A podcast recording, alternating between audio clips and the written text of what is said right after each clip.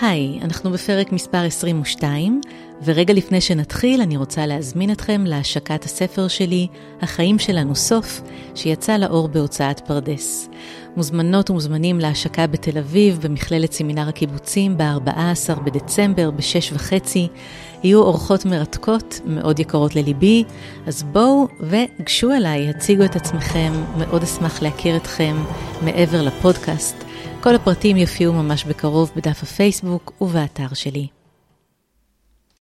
אחרי הניתוח הראשון שנועם עברה, שהיה ניתוח לב פתוח, אמ, ושלפניו היינו בחרדה גדולה, הלב שלה קרס, והרופאים אמרו שהם רואים ב... בכל הבדיקות, הם רואים שיש לה משהו שחור גדול על הלב, ולא ידענו מה זה. אני אקדים את המאוחר, אני אגיד ששבועיים או שלושה שבועות אחרי, כשחזרה הביופסיה, אז אמרו לנו ש... שזה סרטן, אז עוד לא ידענו שזה גידול סרטני, אבל מיד אחרי הניתוח, היא הייתה מונשמת ומורדמת, היא עדיין הייתה בין חיים למוות, ה... הלב עבד מבחוץ, הנשימה עבדה מבחוץ, היא כאילו לא תפקדה באופן עצמוני, כמו שאומרים. ואז אחרי יומיים או שלושה, היא התעוררה. אה, אנחנו הגענו לבקר, זה היה טיפול נמרץ, אז זה שעות ביקור מאוד מאוד מדודות. את לא יכולה להיות כל הזמן על יד מיטת החולה. אלה היו ימים של חרדה נוראית. היא לא יצאה מכלל סכנה, ואז יום אחד את באה, ואני רואה אותה מחוץ למיטה, ויושבת על כורסה, על יד המיטה. הרימו אותה והושיבו אותה, עם עיניים סגורות. הייתי בהלם. אמרתי, מה זה? מה זה, היא התעוררה? היא בסדר? אז uh, האח, ניגש אליי אחד האחים שם ואמר, כן, היא בסדר. נועם, הוא מחא כף. נועם, קומי, תתעוררי, מי האנשים האלה? ואז uh, הוא ככה צעק, אז היא פקחה עין כזה, ראו שהיא עוד תחת הרדמה, נרקוטיקה, מסטולית לגמרי, היא פקחה עין, הסתכלה ואמרה, זאת אימא שלי. ככה לאט, ומיד סגרה שוב. שלוש מילים. לא הייתי צריכה יותר מזה.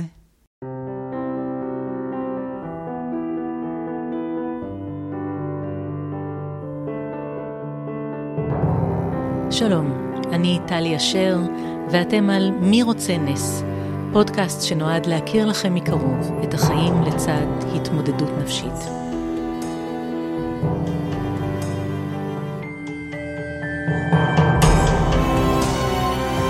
לא תשמעו כאן נתונים סטטיסטיים, לא נחכה לשערורייה תקשורתית שתעלה את הנושא לכותרות ליומיים שלושה. אנחנו כאן באופן קבוע, נכנסים ליומיום, לחדרי חדרים, ובעיקר לחדרי הלב.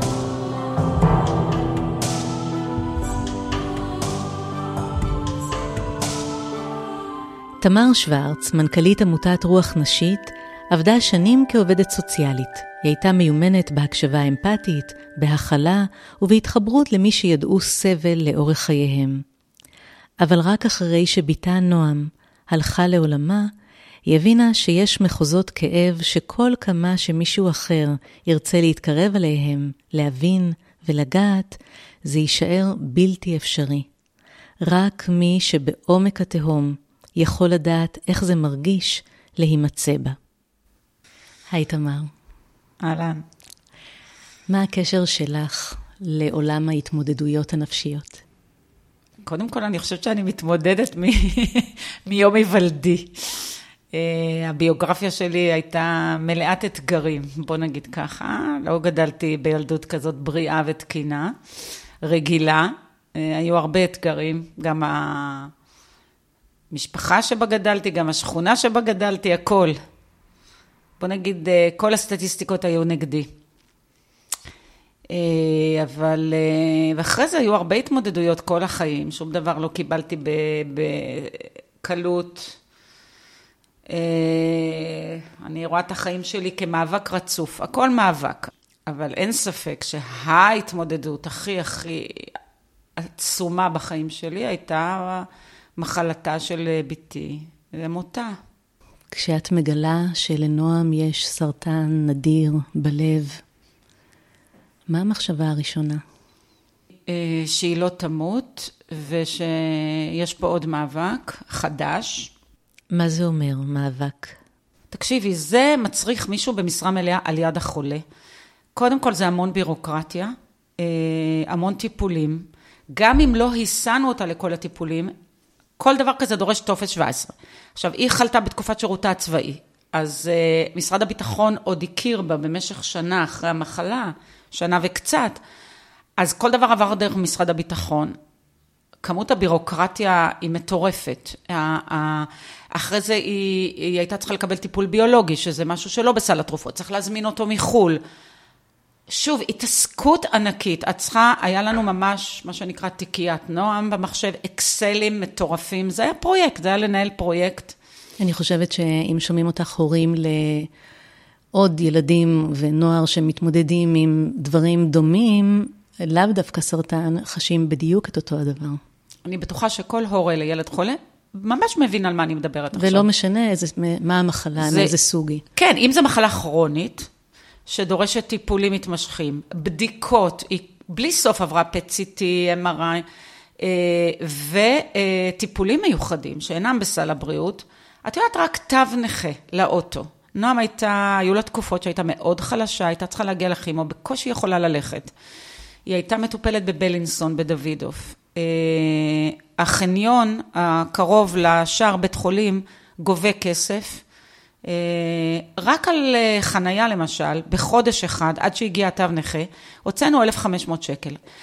מאוד מאוד לחצנו על משרד התחבורה לקבל את התו נכה, כי היא ממש הייתה חלשה, לא יכולנו לחנות רחוק. ארבעה חודשים זה לקח. זה היה ארבעה חודשים מאוד מאוד קשים. אז כל דבר זה מלחמה, ואני עוד אה, אדם שהוא טוב בלוגיסטיקה ובירוקרטיה, גם אבא שלה. אני גם בן אדם מקושר. אני חושבת שאם אתה הורה לילד חולה ואתה עולה חדש, או אדם עם שכבה מוחלשת, לא מצוי בבירוקרטיה, אתה אבוד בלי ליווי, פשוט אבוד. צריך להיות ממש בריא כדי להיות חולה. כאן. כן, כן. שלא לדבר על כל הצד הנפשי, אין לו בכלל מענה. מה עזר לך לאורך התקופה הזאת? על, הדבר הכי משמעותי שעזר זה התעצומות נפש של נועם. אני תמיד ידעתי שיש לי ידה חזקה, לא ידעתי כמה. אני גם גיליתי שיש לי חוסן. מה הפתיע אותך? אני מפתיעה את עצמי ביכולת שלי להתנהל בתוך הדבר הזה בשני מובנים, גם לא להתמוטט, מצד שני לא לתפקד כמו רובוט, שזה הסכנה השנייה. את לא שורדת, את חיה.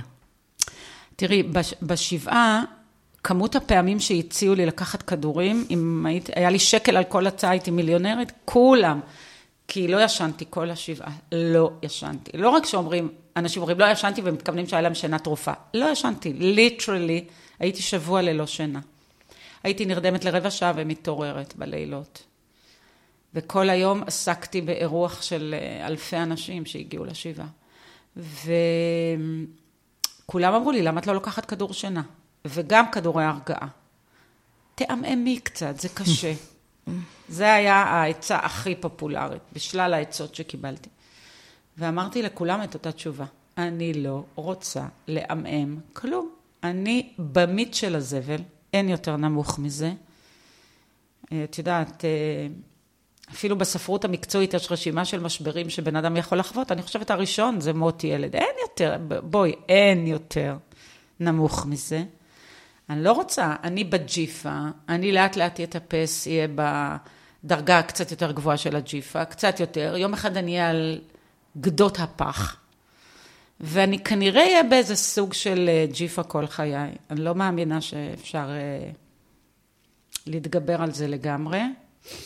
ואני מציעה לא לעמעם את הכאב, לעבור דרכו. זו הצעה מסוכנת, זו הצעה קשה.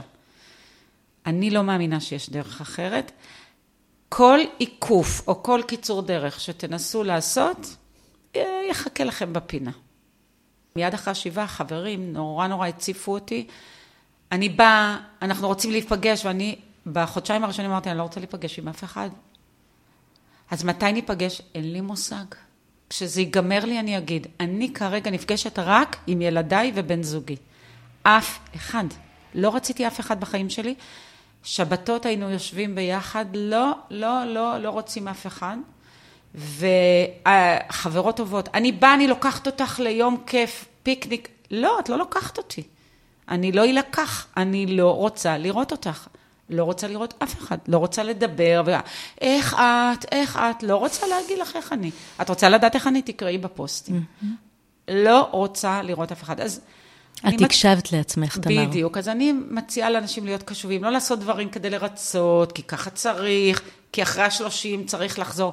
תעשו מה שטוב לכם, תשהו בזה, אל תקצרו, אל תעשו בערך, אל תיכנעו לאף תכתיב חוץ ממה שהנפש שלכם רוצה. אני זוכרת שמישהי אמרה לי שהיא קיוותה שיהיה יום שהיא לא תחשוב על הילד שלה שמת, יום, והיא הגיעה לזה. אני לא מאמינה שאני אגיע לזה, אני אומרת לעצמי שתהיה שעה, שעה שאני לא אחשוב על נועם. עוד לא הגעתי לזה. עד כמה הסביבה יכולה להבין מה את עוברת? לא יכולה. אין לי ספק שכל מי שפונה אליי בנושא, יש לו כוונות טובות. בסדר? זה אני עושה מה שנקרא הנחת הטוב. אה, האנשים היחידים בעולם שיכולים להבין אותי זה הורים שכולים. גם לא מישהו שמת לו מישהו, אפילו לא אח, בטח לא הורה ולא בן זוג. אין פרק ב' בילדים, hmm. אין תיקון. יש הנצחה, אין תיקון. אף אחד לא יכול להבין אותי. מצד שני, האימא השכולה הכי שונה ממני בכל מאפיין דמוגרפי שאת יכולה להעלות על דעתך, אני יכולה להתחבר אליה. אני רואה, אני מדברת עם אנשים שבעולם הרגיל, בחיים לא הייתי... אין, אין כלום בינינו, אין מכנה משותף. אני מבינה אותם בעפעוף. עזבו, אל תנסו להבין אותי. כי אתם לא תצליחו, זו משימה בלתי אפשרית. אני, אני מראש, לא רוצה להגיד צולחת, כי זה לא עבירה, אבל uh, מראש... משלימה עם זה, מקבלת את זה. זה ממש סבבה שלא תבינו, אל תנסו אפילו. אבל מה כן? מה את קוראת להם כן לעשות? תראי, אני אמרתי קודם כל משפטים שאני לא יכולה לסבול, תשתדלו לא להגיד לי אותם. תני לי את הרשימה. למשל, המשפט הראשון בתחרות זה שלא תדעי עוד צער. רציתי אני... לנחש את זה, כן. לא, אין לתאר כמה הוא... כמה לא התעייפתי להגיד לכל אדם בשבעה שהיה בא אליי, וגם חשב שלא תדעי עוד צער, הייתי תמיד אומרת, אבל ברור שאני אדע עוד צער. הלוואי ואני אדע גם שמחה. אני גם מאמינה, אני גם, כבר עכשיו יש שמחה בחיים שלי, יש לצד הצער. מה שמעניין אותי, אם את מרגישה מאנשים יומרה, או אשליה של הבנה. כן. כן, ואני חושבת שזה, שוב, זה בא מכוונות טובות.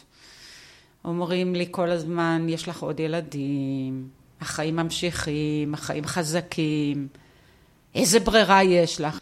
זה לא ברור. זה משהו שאנשים... לא מבינים. אני חושבת שכל ההורים השכולים, בין אם הם מודעים לזה או לא, עשו החלטה להמשיך בחיים. ואני רוצה לבשר למאזיני הפודקאסט שלך, שההחלטה הזו היא לא ההחלטה הראשונה. היא לא הדיפולט, היא לא אינרציה, היא לא כמו שאנשים רגילים מתעוררים בבוקר ואומרים, ברור שאני חי, אין סיבה שאני לא אחיה. אני לא מדברת על אנשים עם נטיות אובדניות. רוב האנשים שאין להם נטיות אובדניות, ברור להם שהם חיים. הורים שכולים לא ברור להם שהם חיים.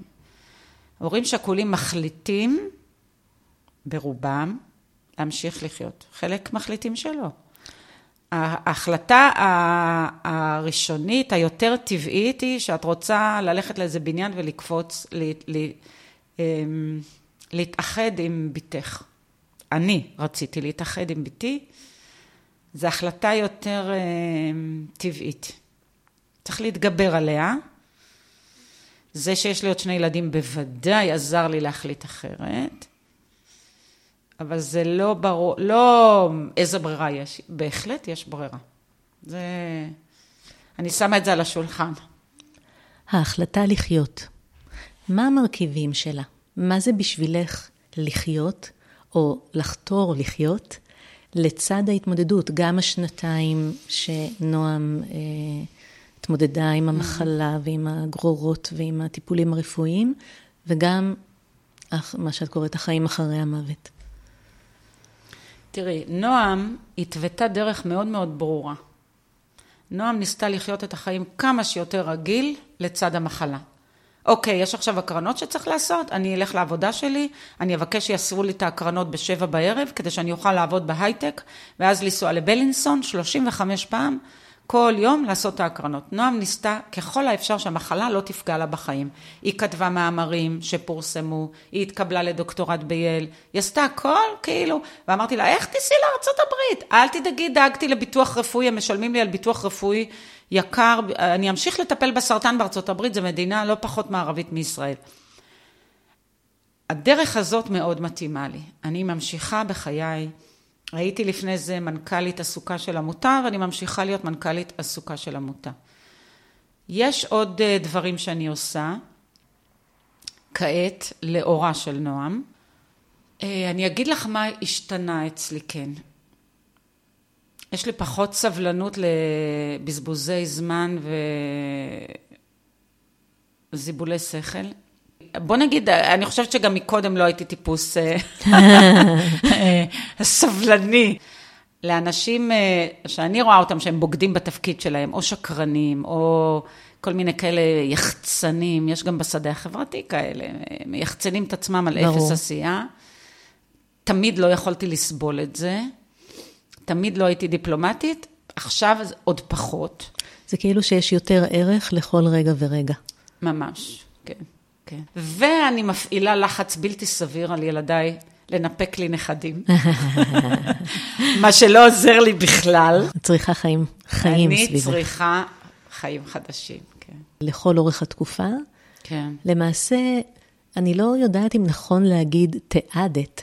פשוט כן. כתבת, כתבת לעצמך וגם שיתפת את העולם, ככה, כן. ככה אני מתרשמת. כן. מאיפה זה נולד? טוב, אז האמת שזה נולד מצורך אה, מאוד מאוד פרקטי וטכני, וזה הפך למשהו אחר. תראי, אני קודם כל חדשה בפייסבוק, אני חושבת שאני בפייסבוק שלוש שנים, ארבע שנים. חדשה יחסית, לא היה לי פייסבוק הרבה שנים. פחדתי שאני אוצף מידע, ו... פתחתי פייסבוק, אני חושבת, שנה לפני שנועם חלתה, וגם אז לא פירטתי, הנה אני בחופשה פה, חופשה פה, אלא סיפרתי סיפורים. הפייסבוק היה בשבילי מקום של סיפורים. סיפרתי סיפורים או על הילדות שלי, שברוך השם יש הרבה סיפורים, או מהקריירה שלי כעובדת סוציאלית, את יודעת, פגשתי הרבה סיפורים אנושיים, כמובן תוך השמטת כל פרט מזהה. אז ככה, זה היה הפייסבוק שלי, לספר סיפורים. ואז מה שקרה, ביום שנועם אה, נכנסה לניתוח, שהלב שלה קרס, 26 לנובמבר 2020, אני לנצח אזכור את התאריך הזה, כשהניתוח אה, ארך 11 שעות הראשון. תארי לך, את יושבת בחדר המתנה 11 שעות, את לא זזה, כי כל רגע הם יכולים לצאת, את לא יודעת מתי הם יצאו. לא ידענו אם היא תצא חיה. עכשיו, אחרי זה הייתה כמה ימים בטיפול נמרץ, אז כל הזמן, מה עם נועם, מה עם נועם? Mm. וכבר, קודם כל, כולם התקשרו, אמרתי, אני לא יכולה לדבר, את יודעת מה, זה כל פעם לספר את כל הפרטים. אמרתי לאנשים, תקשיבו, יש לוח מודעות, קוראים לו פייסבוק, אני אעלה שם כל פעם שיהיה עדכון, בואו כולכם לשם ותקראו. אז העדכונים של הימים הראשונים, כל פעם שהעליתי, היה לחסוך את העול, זה ממש עבודה, בלעדכן את כולם, מה עם נועם. אחרי איזה חמישה פוסטים, ראיתי משהו מעניין, שאחרי שאני כותבת, יש לי הקלה. ואז אמרתי לעצמי, מטומטמת, את שכחת כבר על מה כתבת התזה שלך בתואר השני? כתיבה ככוח מרפא? הלו, תחברי את הנקודות. את יודעת שזה קורה לנו? אנחנו נורא טובים בלכתוב כן. מאמר על מישהו אחר. הופה, הנה את, את אוהבת לכתוב, תמיד אהבתי לכתוב. כתבתי למגירה, את אוהבת לכתוב, זה משחרר אותך, תכתבי. וככה כתבתי. עכשיו, נועם, כשהתעוררה, ורוב המחלה שלה הייתה בהכרה, היו לה מדי פעם אה, שאיבדה הכרה, אבל רוב הזמן לא אהבה את זה. היא אמרה לי, אמא, אני מוותרת לך, אני מבינה שזה צורך. אמרתי לה, תשמעי, מהפייסבוק, לא רק שאני מעדכנת, גם מגיעים אלינו דברים. כל מיני טיפולים, אה, טיפול בגרמניה, שהיא הייתה אמורה לצאת אליו, היא פשוט נפטרה לפני, כל מיני דברים, אה, ממש הגענו דרך הפייסבוק, הרבה עזרה, הרבה תמיכה. אז היא אמרה, בסדר, אבל יש דברים שאני לא רוצה שתכתבי. למשל, על הזוגיות שלה, היא לא הרשתה לי לכתוב. Mm-hmm. הייתה לה זוגיות מקסימה, תומכת, אוהבת, עם בת זוג. אמרה, לא, ממש, זה פרטי פרטי. אחרי שהיא נפטרה, כתבתי. Mm-hmm. לא היה לי אכפת אם אף אחד לא יקרא, אני צריכה להוציא את זה. וקראתי לזה יומן מחלה החלמה, ואחרי שהיא נפטרה, אני קוראת לזה החיים לאחר המוות. יש חיים. וצברת לעצמך קהילת קוראים וקוראות, כן. שגם, אה, אני חושבת, אה, מתחברת לתחושות, מבינה טוב יותר, אפרופו מה שאמרנו קודם, שזר לא יבין זאת, אולי זה מאפשר כן. הצצה חשופה יותר, אותנטית. אני חושבת שהדבר הראשון שמושך אנשים זה שאני נוגעת בדבר שאין אוניברסלי ממנו, שנקרא חרדה של הורה לילדו. זה לא משנה אם קורא אותי גבר או אישה, ערבי או יהודי, מישהו בטימבקטו או בישראל. אין הורה שלא חרד לילד שלו. דבר הכי בסיסי, הכי טבעי. אחרי שנועם נפטרה, אז uh, מעניין אותם לראות איך, איך מתאבלים, איך, איך קמים מדבר כזה, וגם את זה אני שמה מאוד, uh, מאוד אמיתי ומאוד חשוף, כן. את יכולה לקחת אותי לרגע של שבירה? איך נראה רגע שלמרות המעטפת ושהמשפחה יחסית חווה חוסן, ואת אמרת גם, בסך הכל אני במצב יותר מקושר ממשפחות אחרות, כן. מצאת את הכלי הזה של הפייסבוק, הוא זכה לתהודה. קודם כל, מחלת סרטן היא לא לינארית. היא, כל הזמן יש עליות וירידות, עליות וירידות. כל ירידה, כל רגע התגלה, כל פעם שהתגלה עוד, למשל, בהתחלה אמרו שהיא שלב שלוש, ואז הודיעו לנו שהגיעו גרורות למוח. עכשיו, האונקולוגית אמרה, זה מאוד מפתיע. אני יודעת שמהלב עובר לריאות, למוח. את מבינה שעשו לה, את ה-MRI עשו רק מהלב ומטה, עשו לריאות ולחלל הבטן. לא עשו למעלה, לא עשו לראש. פתאום, וואו. עבר למוח והיא שלב ארבע. השלב אה, האחרון. כן, זה, השלב, זה ברור היה לי מה זה שלב ארבע. לא הרבה חוזרים משלב ארבע ונשארים בחיים. היה את היום שהגרורות במוח התחילו לעשות לה פרכוסים, זה היה בראש השנה, בדיוק לפני שנה. היא פתאום התחילה לפרכס. זה היה נורא מבהיל לראות את זה. היא מנופפת בידיים, יוצא לה קצף מהפה. היא נפלה מהכיסא על הרצפה והטיחה את ראשה שוב ושוב ברצפה. זה מראה נורא, נורא. ישר הזעקנו אמבולנס. אחרי זה ההתקף עובר, ואז היא שוכבת ללא הכרה על הרצפה עם הקצף. ואני רק, היה לי אינטואיציה כזו של להחזיק לה את הראש על הצד, שלא תבלע את הלשון. לא תחנק מהקצף של עצמה. אה, ושמתי לה כרית מתחת לראש כדי שהיא דופקת את ה... מה... מההתקף של הפרכוס, היא באופן לא רצוני דופקת את הראש, אז שלא תחבל. כל ירידה כזאת בתפקוד הייתה שבירה. אה, את יורדת ככה באנרגיות, בוכה ומתרוממת שוב. ואם את יכולה לקחת אותי לרגע של האנושיות במלוא תפארתה. איזה רגע שבו באמת מישהו עשה את הדבר הנכון, או אמר את הדבר הנכון. תראי, המחלה של נועם נורא נורא גייסה אנשים. אני חושבת שאנשים ירגישו חסרי אונים מול העדכונים שלי. אז התחילה רכבת אווירית של משלוחים אלינו. זה פשוט, באמת, כמעט לא עבר יום בלי שהיה תלוי על ידית הדלת איזה משלוח של שוקולד אה, ועד אה, חלוק אה, רחצה וקרמים, הכל הכל, כל הזמן הגיעו. אני כל הזמן קיבלתי המון המון, המון תמיכה מאנשים. מאוד התגייסו, מאוד רצו לעזור, לפעמים גם הפנו למקומות מסוימים שעזרו. קיבלתי גם הצפה של עצות שאני לא רוצה. קודם כל, מיליון אנשים הציעו מדיטציות, דמיון מודרך, עשבים ושיקויים. אני לא התחברתי, אבל הייתי מוכנה לנסות. נועם דחתה את זה מכל וכול. נועם, כל מה שלא מדעי, לא זה. ושוב ושוב הסברתי לאנשים, לא. קיבלו את זה, היו כמה שנורא התעקשו, היה אחד במיוחד, שאמר, אם את לא תסכימי לזה, אז את במו ידייך תהרגי את בתך, בזה שאת לא מאפשרת לה את הריפוי האמיתי, שזה כמובן רק מה שהוא עושה. אה, לנועם יש אח ואחות? כן. כן. באיזה אופן האימהות שלך אה, השתנתה או התעצבה לנוכח החוויה שלך? שאלה טובה. אני בתוכי, החרדה שלי מאוד מאוד גדלה. אה, אני מנסה לא להראות להם ולא לשים עליהם את המסע הזה. אבל uh, הבת שלי יוצאת בערב, אני ישר חושבת, מה יקרה לה? היא תחז... היא... אני לא רגועה עד שהיא חוזרת הביתה, וזה לא היה לי. אני לא הייתי אימא חרדתית אף פעם, לא הייתי אימא הליקופטר, זאת שכל הזמן, מה הם קיבלו, איזה שיעורים, הייתי... הייתי מאוד... Uh, סבבה. משחררת. כן, היא נוחה כזאת, לא... אבל בתוכי אני ממש, ממש עם, ממש עם חרדות.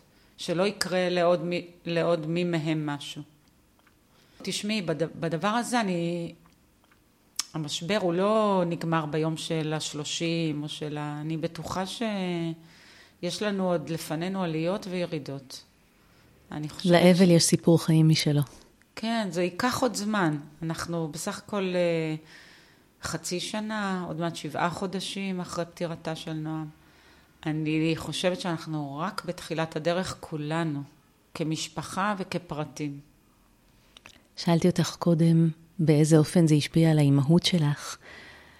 אה, היום את אה, ממנכלת את עמותת רוח נשית, אבל את עובדת סוציאלית במהותך, נראה לי, לא רק במקצועך. תודה, זו מחמאה גדולה. Mm. זה שינה משהו בהקשר המקצועי? כן. כשאני הייתי בשנה א' בלימודי עבודה סוציאלית, אז uh, לימדו אותנו את מושג האמפתיה, שזה מושג שאומר שאתה מקשיב לזולת, ממש נכנס לנעליו, ללא שיפוטיות, מקשיב לסיפור שלו, אבל אתה לא נשאר בהזדהות, כי אז לא תוכל לעזור כאיש מקצוע. מאוד חשוב באמפתיה, החלק השני של לחזור לנעליך, לבחון את המציאות בצורה לא יודעת אם יש דבר כזה אובייקטיבית, אבל עניינית, מפוקחת, ולעזור לפונה לראות את כל המציאות ולהתקדם לשינוי, לשיפור. אני כל חיי המקצועיים, 34 שנה שאני עובדת סוציאלית, חשבתי שיש לי יכולת אמפתית גבוהה. אני ממש הקשבתי לאנשים, ממש חשבתי שאת מבינה. היגרתי לעולמם, כמו תייר שבא ומקשיב, כמו אנתרופולוג, וחזרתי לנעליי. עכשיו, עבדתי עם אנשים שמעולם לא הייתי בנעליהם. עבדתי עם אנשים עם פיגור, עם הורים לילדים עם פיגור, עם, אה, עם אנשים שהם חסרי מעמד חוקי, עם נשים נפגעות אלימות, עם נשים בזנות. הם אנשים במצבי חיים מאוד קשים. וממש הייתי בטוחה שאני מאוד קשובה ומבינה אותם. ואחרי פטירתה של נועם שאלתי את עצמי, באמת, בוא נגיד ככה, בטוח התאמצתי להבין. האם באמת הבנתי? עכשיו, זו שאלה, כי את חייבת להיות uh, בעצמך נרקומנית לשעבר כדי להבין נרקומנים? הלוא עובד סוציאלי, הוא לא יכול לעבור את כל המשברים בעולם של המטופלים שלו. זה לא, גם לא הגיוני, אי אפשר, גם לא כדאי. אז רק אם את עוברת משבר ממש זהה, את יכולה להבין? זו שאלה פילוסופית שחשבתי שנתתי לה פעם תשובה, ככה גם לימדו אותי. לא, את לא חייבת לעבור את כל המשברים. את באמת יכולה להבין אנשים, גם אם לא עברת את המשבר שלהם. אז אני לא יודעת היום, אם לא נכוויתי, אם בשרי לא חווה את חריכה, חריכתו ב... באיזה משבר מסוים. לא יודעת מה להגיד לך. אני יכולה אה, לחלוק איתך מחשבה שיש לי בהקשר כן, הזה. כן. אחד, אני חושבת אולי די לדבר את שפת הפצע כדי להיות מסוגלת להתחבר חיבור אמיתי, חיבור עומק, חיבור של ממש, לא מן הפה לחוץ ולא לפי פרוטוקול, לפצעים של אנשים אחרים. גם אם מקור הפצע הוא אחר לגמרי. ואת אמרת, בביוגרפיה שלי יש יפה מאוד כן, פצעים. נכון, אני תמיד אמרתי שהתחברתי דרך זה, אבל... כן. אה, זה דבר אחד. ודבר כן. שני שגם עלה קודם בשיחה שלנו, זה דווקא אם בא מישהו ואומר, בקול או בעמדה שלו בשיח, באמת אני לא יכול להבין. אולי זה רב ערך יותר מאשר האשליה העצמית הזאת, אבל אני מבין, יש לי את הכלים להבין. אני לא יכול להבין, ועדיין אני יכול להיות עבור מישהו אחר, להיות נוכח, כן. להגיש את עצמי, אמ, לקבל עליי את האחריות מרגע שמישהו הפקיד בידיי את צערו, להיות אחראי. אז אני באמת, אה, זה נכון מה שאת אומרת, אז אני באמת מנסחת לעצמי אחרת עכשיו. אני אומרת, קודם כל, שאם בא אליי מישהו עם איזה משבר, אני יכולה להגיד, אני מבינה אותך, אבל אני לא חשה את זה. אני אף פעם לא אוכל לחוש את מה שאתה או את. אני מבינה את זה במושגים שלי. והדבר השני, מה שאפשר להציע לאנשים שהם בצער עמוק, את יכולה להציע נוכחות, גם בשתיקה. שבו על ידי ותשתקו. אל תרחמו עליי, זה... אני לא יכולה לסבול. אל תרחמו, תהיו איתי. אה, אל תביאו שוקולד, כי אני לא אוהבת מתוק, תביאו לזניה. אני מאמינה שיש אור, לא רק בקצה המנהרה, באמצע המנהרה. יש שמחה בחיים שלי, אני גם צוחקת ואני גם מחייכת. החיים אה, מלא, ממשיכים להיות מלאי עצב, וגם יש שמחה.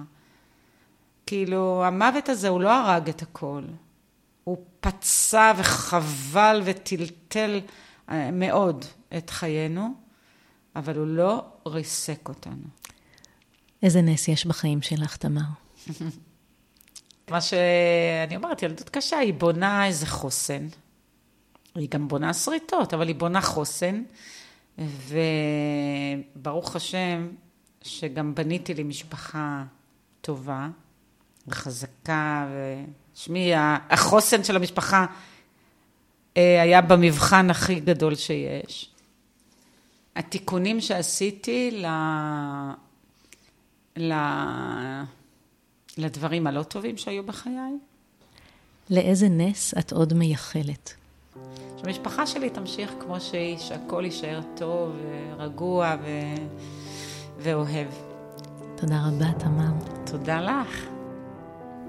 תודה גדולה לתמר שוורץ. תודה לצחי אשר, שאחראי על הסאונד ובאופן כללי על האהבה בחיי. תודה לכם ולכן על ההקשבה. אני אשמח מאוד לראות אתכם בהשקה לספרי החיים שלנו סוף בתל אביב ב-14 בדצמבר. יהיה מעניין ותהיה חניה, שזה לא פחות חשוב. בואו לומר לי שלום, אני תמיד מתרגשת לפגוש את הפנים שמעבר לפודקאסט. נתראה בקרוב. כדי להתארח בפודקאסט, להגיב או להמליץ על מישהו אחר, שילחו לי הודעה באתר. ועד הפעם הבאה, שיהיה לכם ולכן כמה שיותר נס.